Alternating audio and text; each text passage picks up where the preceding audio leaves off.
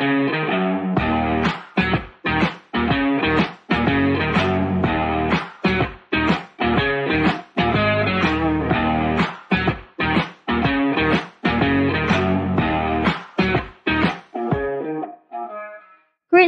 in God's Hand. Halo semua, kembali lagi di Polar Podcast Labora. Nah, buat yang belum tahu aku siapa, aku Praba dan bisa kalian lihat nih di sini. Kalau kalian lihat di belakang udah ada perintilan-perintilan lucu yang ditambahin buat em, di studio podcast ini. Jadi kalian bisa lihat kalau misalnya dekorasinya ini rame gitu ya, terus kayak heboh, biar kesannya itu nggak terlalu sepi gitu ya, nggak terlalu kosong juga. Nah, ngomong-ngomong soal rame sama heboh, di episode ke- eh, ketiga ini Polar itu mengundang salah satu guest yang juga sama hebohnya, juga sama ramainya. Jadi, aduh daripada nggak perlu lagi Fafi puas wesos, ini dia Tabela. Halo teman-teman Laborian. Ayo kak dikenalin dulu kak namanya, terus juga Oke. umur. Aku perkenalin diri, aku Isabella Netli dari angkatan 22. Umur aku berarti 19 tahun. Oke, kak kan kakak adalah alumni di Oret Labora ya? Yap. Dari TK atau Aku dari SD kelas 3. Eh, Dari- kelas 4 maaf. lo kenapa dari kelas 4 kak? Aku pas itu baru pindah ke BSD waktu menuju ke kelas 4. Nah, Mm-mm. sebelumnya aku sekolahnya di Jakarta, Hmm. aku pindah dari Bintaro. Nah, waktu kelas 4, eh, keluarga aku memutuskan nih buat pindah ke BSD. Pertama tuh aku nggak mau nih, bukan nggak mau sih, belum kepikiran bakal sekolah di OL. Iya. Paling cuma tadinya mau ke St. John, Widih. eh, Anderson. Aduh. Cuman. Nyata jatuh hatinya sama Rakyat Labora. gitu. Nggak mau coba international school gitu. Waduh, enggak, udah nyaman sama Rakyat Udah Labora. nyaman gitu. Kakak alumni keberapa tadi kak? Aku alumni eh, class of 2020 berarti angkatan 22. Angkatan 22 itu berarti lulusnya waktu Kemarin. kemarin yang yang covid itu ya? Mm-mm. Strugglingnya gimana nih kak? Ceritain kak. Lulus waktu Wah. covid. Itu untungnya ya, sekolah eh, waktu SMA, u- ujian sekolah kan. Hmm. Itu kita udah ujian sekolah duluan. Emang Iya. Rakyat Labora itu ujian sekolahnya lebih cepat daripada sekolah-sekolah lain. Kenapa tuh? Aku kurang tahu deh. Oh, Cuman emang yang lain tuh eh, sekolah-sekolah emang belum memutuskan untuk ujian sekolah Mm-mm. USBN tuh. Mm. Nah tapi OL lebih cepat dua minggu. Jadi puji Tuhannya Rakyat Labora eh, sebelum COVID ini udah ujian. Jadi Oh gitu. hmm, teman-teman yang lain ujian sekolahnya daring, kita udah offline. Eh kita Udah selesai jadi kayak udah Oh, oh, udah Hmm, aman. udah aman. Siap, Terus siap. ternyata waktu menuju UN kan UN ditiadakan. Jadi eh, cuman kayak kelas tambahan aja. Habis itu udah kita bener-bener kita udah nggak ujian lagi. Kita udah pokoknya udah santai banget. UN udah ditiadakan. Terus Mei Mei tiba 2 Mei 2 Mei kemarin itu eh, cukup terkesan ya karena itu berarti tepat satu tahun lulusan 2020 nih Iya. dinyatakan lulus gitu. Jadi ini angkatannya masih aman nih ya, bisa dibilang. Aman banget. Hmm. Nah sekarang kakak kuliah di mana nih? Aku kuliah di Universitas Multimedia Nusantara. UMN ya berarti ya? Eh, jurusan apa kak? Jurusan Strategic Communication. Udih, bahasa Indonesia-nya ada nggak kak? Eh, it- itu sama kayak ilmu komunikasi, Oh. tapi ya lebih ke marketing, kayak lebih ke Oh, gitu. strateginya gitu. Oh, kenapa kakak milih di jurusan itu? Karena eh, aku ngerasa kalau aku punya banyak potensi ketika berbicara sama Mm-mm. orang lain. Kelihatan sih kak, dari sekarang ini udah kelihatan Iya, banget. dari tadi kita udah hebring-hebring di Mm. belakang ya Mm. sebelum pola. Bener. Kalau kalian lihat ada, mungkin nanti ada kayak bloopersnya itu udah isinya kaknya semua deh. Ya, tapi jangan masukin yang aib-aib ya, teman-teman. Iya iya iya. iya. Terus kak, eh, kenapa sih kakak pilih kuliah di UMN? Apa Hmm. karena emang udah nyincek banget nih waktu SMA atau malah kepikirannya itu kayak em, setelah lulus gimana tuh? Aku awal emang belum memutuskan untuk di UMN. Hmm. Cuman pas itu tuh eh, kayak bulan Novemberan aku udah mulai cari kampus kan. Emang aku emang dari awal nggak berniat buat masuk di negeri, Mm-mm. mau langsung swasta aja. Kenapa aku pilih UMN? UMN itu salah satu kampus yang terdekat dari rumah aku. Hmm. Karena letak di Gading Serpong. Gading Serpong itu tuh punya wilayah yang sangat Strategis. strategis, bener banget. Terus eh, mas sebenarnya banyak sih kuliah-kuliah yang emang deket situ, GS juga banyak, ada bahkan ada Prasmul juga deket kan, Atma juga deket. Cuman UMN punya suatu kelebihan, fasilitas mereka tuh bagus, eh, dan mereka itu mengedepankan nilai-nilai moral sebenarnya. Oh gitu. Mm-mm.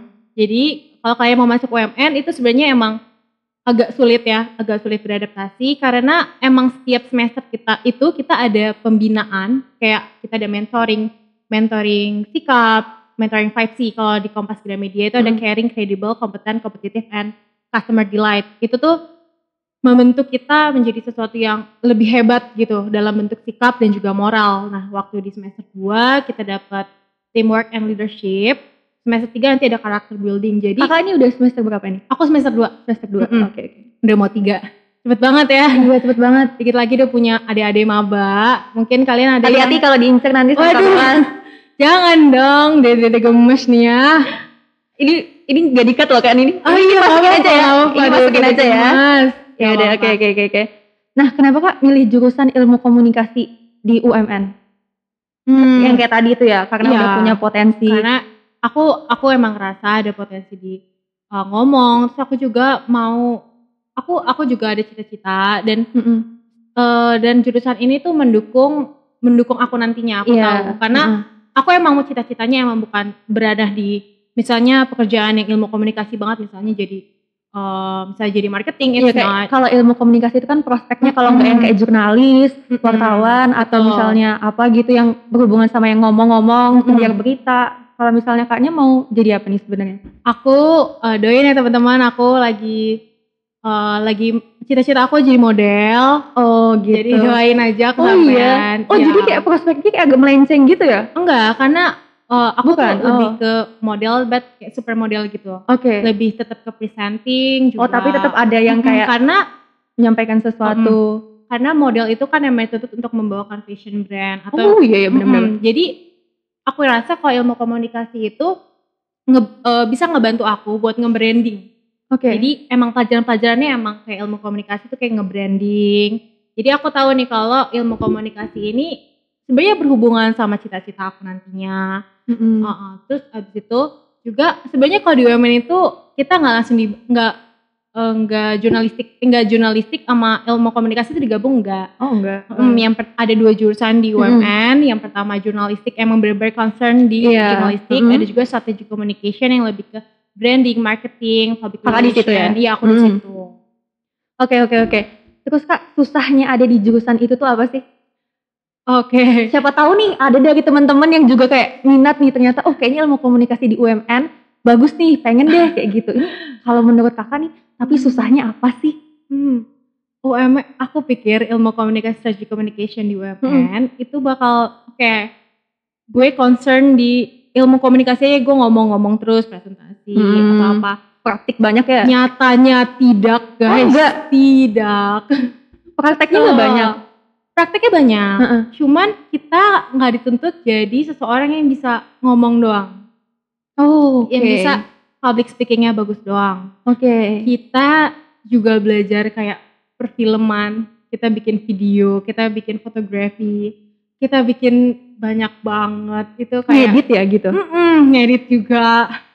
Terus kita juga bikin short movie bahkan. Hmm. Jadi anak DKV kadang, jadi anak Kakak baru semester Film. dua bukan sih? iya, Tapi udah segitu. Ah, ah, udah kayak anak desain. Nah, bahkan bahkan aku mikirnya kak kalau misalnya masuk ilmu komunikasi itu yang cuma kayak public speakingnya harus No. dilatih dilatih gitu tapi Enggak. ternyata enggak. Mm-mm. Mungkin Oh, gitu. eh, kalau dahulu kayak gitu ya. Cuman Mm-mm. emang di era sini kan emang kita eh, dituntut buat bisa melakukan apa aja. Benar sih. Mm-mm. Skill itu harus Betul. nomor satu ya. Kalau kamu bisa ngomong doang, tapi kamu nggak bisa editing, kamu nggak bisa, eh, misalnya nggak bisa ngitung-ngitungan, nggak bisa manajemen atau apa, itu sebenarnya eh, sebuah yang kurang juga sih. Apalagi Mm. sekarang lulusan S1 bahkan sekarang udah nggak terlalu gimana. Mm-mm. Otomatis harus S2 biasanya kalau mau diterima di kerja- kerjaan yang lumayan. Iya. Tapi kalau misalnya di UMN itu bisa dibilang kayak skill itu nggak selalu nomor satu tapi attitude nggak sih kak? Mm-mm. Jadi banget. kayak moralnya juga harus. Jadi mungkin kayak kalau misalnya teman-teman nih punya skill mantap tapi attitude-nya nggak ada, itu kayaknya sama aja deh bohong, ya nggak sih kak? Kelebihan UMN itu sih. Mm-mm. Mereka kayak sama sebenarnya ini eh UMN itu kayak OL. OL itu mereka nggak nuntut di gak nuntut dinilai doang guys. akademik gitu ya. Nggak cuman akademik, tapi Mm. kita emang harus punya attitude yang bagus, nilai Mm. moral yang bisa mendukung kita nanti di, di perkuliahan, di dunia kerja nantinya. Emang itu sebuah satu kesatuan ya. Mm. Nggak bisa nggak bisa berjalan situ aja. Makanya aku cukup bersyukur lah kenapa aku di UMN. Karena ternyata apalagi ambil jurusan jurnal, eh maaf, eh, ngambil jurusan strategic communication, aku rasa itu udah cukup tepat bagi eh, bagi dunia sekarang Mm-mm. Eh, dan juga untuk ke depannya prospeknya juga bagus. Eh, sekarang siapa sih perusahaan yang nggak butuh tenaga komunikasi gitu, Ya, tenaga yang buat marketing or public Mm-mm. relation walaupun aku sendiri tuh emang nggak menuju ke sana. karena ilmunya itu penting banget. Iya. Iya, ilmu basic ya. betul. Mm-mm. Kalau misalnya kakak nih kan posisinya nih walaupun masih semester 2 ada eh, keinginan buat lanjut ke S2 nggak sih kak? Atau belum kepikiran? Gimana tuh? Aku belum kepikiran, kepikiran. sih kalau S2. Sekarang kak ini adalah kayak fact check gitu, kayak cek fakta. Oke. Kalau misalnya kakak dulu ranking satu nih waktu kelas 12 bener nggak? Ya, itu fakta. Fakta. Jadi keren banget loh. Coba lihat Kak Bella ini udah cantik, Aduh, terus amin. pintar ranking satu. Amin. Ayo kalian kalau misalnya jadi pendengar uh, Polar terus yang lagi denger lagi males-malesan nih rebahan doang dengerin Polar ini kalian harus nonton si podcast ini biar kalian tuh termotivasi gitu ya kalau misalnya ditanya nih tips and triknya gimana sih kak biar bisa jadi juara satu? Hmm, kan kita kan online gitu ya kak. Online ya. kita bener. offline aja nih males belajar. Apalagi online. Eh offline aja males Offline. belajar. Online makin males belajar. Itu gimana sih kak caranya? Itu sebenarnya sebuah struggle yang sama apalagi aku anak mahasiswaan. Aku juga tetap online. Tapi jangan sampai alasan online itu membatasi diri kalian guys. Nih laborians laborians jangan kayak eh, eh nanti aja deh waktu offline gue baru giatin belajar It's wah itu telat banget sih itu, itu iya. telat banget karena eh, kita tuh harus beradaptasi sebenarnya Mm-mm. justru malah online ini mempunyai banyak eh, benefit juga iya di samping usahain gitu berarti benefitnya juga banyak Benefitnya gitu ya banyak. sebenarnya literasi kita lebih bagus Hmm. kita pasti lebih searching Google dan Hmm. lebih banyak lihat berita karena aku tahu banget kalian pasti gak cuma belajar teori lagi karena dulu waktu aku SMA teori itu emang dibuat ujian tapi kan sekarang lebih ke eh, studi kasus kan Iya, uh studi kasus ya Mm-mm. bilangnya anak kuliah. kasus terus Heeh. eh, jadi eh, itu kerasa banget sih jadi kita di online ini lebih punya banyak manfaat juga Mm-mm. Jadi teman-teman laborian sebenarnya mm, jangan terlalu terpuruk sama keadaan online ini. Mm-mm. Karena sebenarnya offline itu juga ya punya punya kekurangannya juga. Untuk tips and trick buat ranking satu. Oh iya nih, nih tunggu-tunggu nih. Aduh. Jadi aku tuh punya kebiasaan kalau misalnya eh, misalnya ada definisi bla bla bla diimplementasikan eh, diimplementasikan bla bla bla. Nah, aku nggak tahu kata implementasi karena implement dulu waktu SMA Heeh, itu rumit ya. agak rumit ya Mm-mm. implementasi. Aku cari di Google arti kata implementasi. Oh, jadi kayak bener-bener di searching Uh-uh. banget nih kata yang susah. Tiap kata aku bedah Wow, oke. sampai bisa masuk ke pemahaman aku. Mm-mm. emang buang waktu banget ya guys itu wow jadi yang harusnya bisa lu ngafalin gitu doang ya lu bedah lah setidaknya Dengan, emang dengan lu bedah kayak gitu, lu eh, apa ya? Maksudnya kayak lu tuh makin paham gitu loh sama kalimat itu, Betul. sama materi itu gitu. Jadi ya nggak apa-apa buang waktu lebih lama. Yang penting kan eh, di otaknya juga bakal Mm. tahan lebih lama gitu loh. betul Hmm. Oke itu oke. impact banget Kalau misalnya cara kakak buat misalnya lagi ulangan gitu, kakak lebih tipe yang eh, harus dengerin rekaman suara sendiri atau misalnya diubah jadi eh, lagu gitu Waduh. misalnya atau yang kayak biasa aja deh. jadi lagu emang kamu jadi lagu Aku kadang gitu sih kak. kalau kamu gimana Jadi kalau misalnya ada kayak eh, bagian-bagian nih, aku jadiin lagu, kayak lagu-lagu sendiri atau misalnya lagu-lagu anak-anak aku ganti liriknya. Nah itu tuh eh, bener-bener ngebantu aku. Jadi kalau ulangan ngerjain tuh aku nyanyi. Oh gini gini gini. ah, ah, ah. Kalau kakak tuh gimana? Sebenarnya itu kembali lagi ya ke metode belajar pemahaman masing-masing Heeh. kalau aku sendiri aku jarang belajar di rumah cuman kalau misalnya guru lagi jelasin di Oh. sekolah Oh iya iya yang iya. lain tidur kakak aku siapin Hmm. catatan Oh jadi oh ini siapin catatan tahu nggak sih ini tipe-tipe anak yang kelihatannya tuh main terus tapi ternyata ranking satu. Ini kayak Kabela ini. Ternyata bukan karena mereka itu main-main tuh karena kelihatan aja main-main gitu loh habis pulang sekolah. Padahal di sekolahnya kalian yang main-main, Mm-mm. Kak Bella yang belajar. iya Gitu. sebenarnya gitu alasannya Oh gitu ya. Kayaknya harus dicatat nih ya teman-teman. Nanti kalau misalnya udah offline, ini kayaknya harus dicatat sih.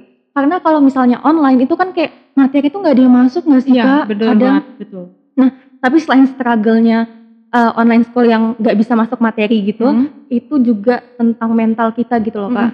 Nah itu gimana sih kak? Kerasa banget ya Ya kan kerasa mentalnya banget jadi kan. oh my god jadi Down. rasa kesepian banget makin stres juga loh kak. bahkan ada beberapa anak yang dia ini ke sekolah buat escape from home Ya. yang buat melarikan diri dari Ya rumah benar-benar. karena mungkin keluarganya gimana gitu misalnya capek di Bener. rumah gue juga jenuh di rumah Mm-mm.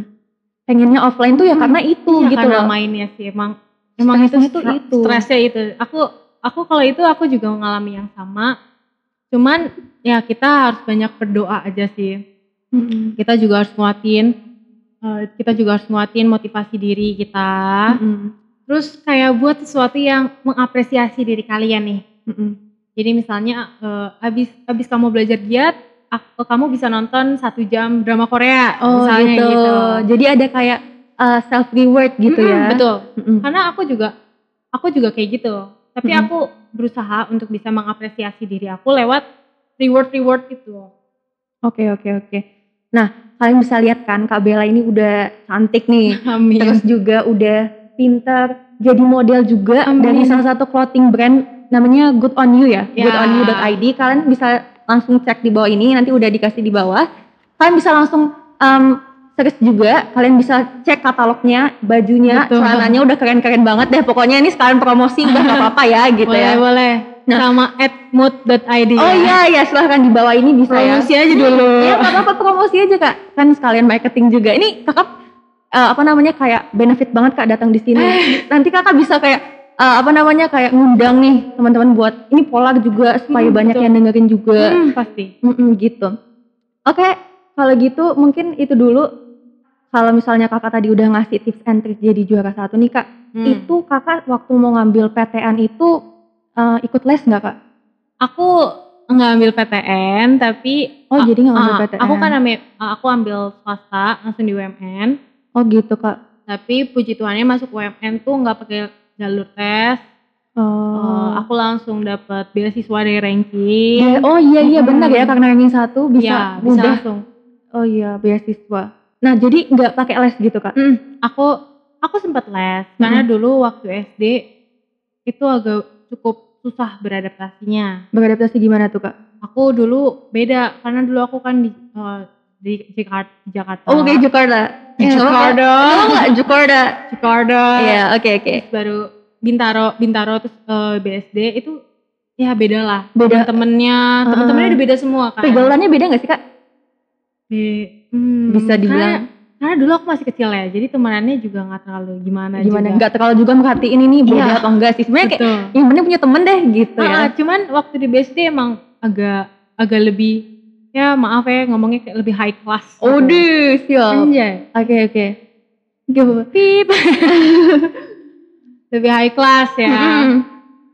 Terus pergaulannya di sini ya cukup keras karena aku awal-awal juga eh, susah lah. Misalnya udah ada teman-teman yang udah geng-gengan. waktu. Mm-mm. Nah aku tuh harus ngeblend sama mereka. Karena posisinya aku tuh masuk di tengah-tengah SD. Iya jadi kayak tiba-tiba banget kok tiba-tiba banget. pindah gitu. Tiba-tiba apa. Tapi ya terus abis itu nilai aku sempet terpuruk. Terpuruk aku Mm-mm. sampai hampir gak naik kelas juga. Iya kak. aku hampir gak naik kelas.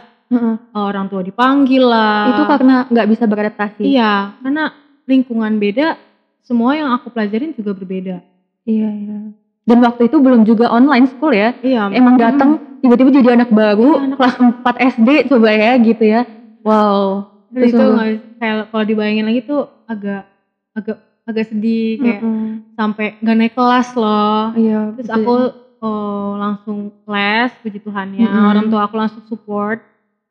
Walaupun gitu mereka nggak marahin aku, mereka langsung kasih solusinya apa nih? Oke, intinya kamu coba les nah mulai dari les aku kelas 5 selesai aku kelas 5 bener-bener berhenti les Mm-mm. kelas 6 mulai self study sendiri sampai SMA itu prosesnya banyak banget sampai bisa sampai sekarang ya misalnya sekarang dapat predikat eh, penghargaan ranking 1 itu kalian tuh cuma lihat ranking satunya Iya doang sih. Tapi perjuangannya itu sebenarnya lebih sulit daripada cuman Prosesnya eh, banget. eh, cuman kata ranking satu Mm-mm. gitu.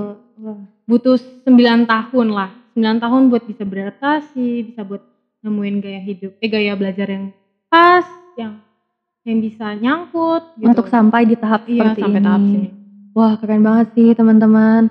Kalau eh, pengalamannya kakak deh, kakak em, setelah nge- ngedengar perjalanannya kakak nih untuk sampai ke ranking satu, eh, berjuang sama-sama bareng teman-teman di Oret Labora juga, ada nggak sih kak pengalaman paling berkesan kakak di OL, entah itu bareng guru ataupun bareng teman kakak? Saya dong di share. kayak OL itu sangat bermakna ya di hidup aku jadi every single day aku di Orayat Labora itu memorable banget Iya. Eh, aku yang paling aku berkesan banget ketika aku kelas 10 baru kelas 10 nih masuk SMA OL Eh, nama aku diajar sama Ibu Tek, Ibu Trienda. Halo Ibu Tek, kalau Ibu nonton. Eh, dia ngasih aku kesempatan yang cukup besar. Apalagi aku baru jadi anak baru di Mm-mm. SMA. Iya. Dua bulan set- eh sebulan atau dua bulan setelah masuk, Mm-mm. buat abis pelajaran Butek, aku dipanggil keluar sama Butek. Eh, Bella jadi MC yuk di Orayat Labora. Hmm. Eh, kamu mimpin talk show, pasti bareng sama anak kakak kelas 12. Itu under pressure banget sih. Iya. Karena aku masih kelas 10, mereka udah kelas 12, takut gak bisa Pernah jadi. MC sebelumnya nggak kak? Iya, aku puji Tuhan selama tiga tahun di Orayat Labora, aku cukup aktif jadi Mhm. MC. Oke.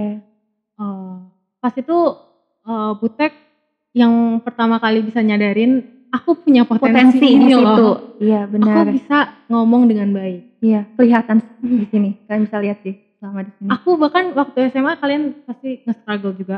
Kalau Mm-mm. gue bisa apa sih? Gue masuk SMA nggak punya apa-apa. Yang Iya. satu punya bisa ngedance, satu bisa basket. Wala- Walaupun aku bisa, aku aku eskul di basket, aku nggak ngerasa itu adalah sebuah kemampuan yang Mm-mm. aku miliki. Iya. Aku bisa apa? Belajar juga. Pas tuh eh, SMP aku masih masih ranking 20-an juga. Mm-mm. Aku belajar nggak mampu. Aku belajar kurang bagus. Mm-mm. Tapi di saat itu Butek eh, panggil aku ke luar kelas. Dia bilang kamu punya potensi di berbicara. Wah. Keren, Waktu keren, situ keren. kayak oke, aku nggak tahu aku bisa atau enggak. Aku lakuin aja, aku lakuin, aku lakuin. Puji Tuhannya Butek selalu ngelatih. Mm-mm. Butek latih, kamu kayak mendingan eh, pertanyaan ini dulu deh. Ya kayak kayak kamu gini loh. Iya. Kayak bedanya pas itu acaranya pameran pendidikan, talk Oke. show. heeh. Waktu kelas 10. Kelas 10, Wow. 10. Heeh. Itu amazing banget. Kayak aku bisa berada di pengalaman itu sampai aku akhirnya di dibimbing terus jadi MC sama semua guru, Wow. Sisil, Jadi kayak gitu. Seluruh guru itu mendukung gitu ya, mendukung banget sama Betul. kakak. Keren banget sih itu. Terus abis itu juga sampai eh, aku di tahap kelas 10 aku juga jadi MC pensi. Pensi Wow. yang dulu ada Yuvi Nuno. Ayo itu siangnya tahu. aku, aku yang MC bareng teman-teman aku, ada Mhm. Kathleen sama yang lainnya. Mhm. Aku kayak ke balik ke masa-masa butek yang manggil aku keluar kelas itu kayak aku bersyukur banget kayak Mhm. ditemuin di Orayat Labora dengan guru-guru yang seperti itu Mm. guru-guru yang selalu mendukung aku. Padahal emang awalnya aku bahkan insecure sama diri aku sendiri. Tapi mereka mencoba untuk mencari potensi lainnya. Mm-mm. Itu yang aku suka dari Orayat Labora. Bagaimana mereka bisa mengajak aku, membimbing aku. Dan juga dia memberikan kesempatan-kesempatan tersebut kepada aku. Yang bahkan aku sendiri gak kepikiran. Mm-mm. Aku gak kepikiran aku bisa bisa ngomong. Bahkan bahkan tanpa misalnya misalnya aku gak di Orayat Labora, mungkin aku sekarang Ya, bukan nggak tahu, jurusan iya. ini. Aku nggak Mm-mm. tahu potensi aku ada di situ. Mm-mm. Jadi, Jadi- sekarang kayak membentuk kakak Yap. jadi seperti ini sekarang. Betul, Wah, kalian bisa lihat sekarang Kak Bella seperti apa. Oh, baru semester 2 udah sukses juga. Terus juga udah Belum Kayak- lah. tapi kayak kelihatan dong kakak hadir di sini itu menjadi inspirasi Iya banget sih. nih. Puji Spesial lah. banget sih episode 3 ini. Oke Kak, Bella terima kasih udah mau Ya, datang makasih di juga uh, Praba. podcast Labora hari ini. Buat teman-teman yang punya saran untuk topik selanjutnya, kalian juga bisa DM ke enggak bukan di Instagramnya SC.L, tapi ke Instagramnya podcast Labora karena kita udah punya uh, Instagram sendiri. Dan juga jangan lupa untuk dengerin terus setiap episodenya dua minggu sekali di YouTube, lalu juga di Instagram ataupun di Spotify gitu. Oke teman-teman, terima kasih udah mendengarkan episode hari ini. Aku harap kalian selalu jaga kesehatan dan bahagia selalu. Dadah! Bye.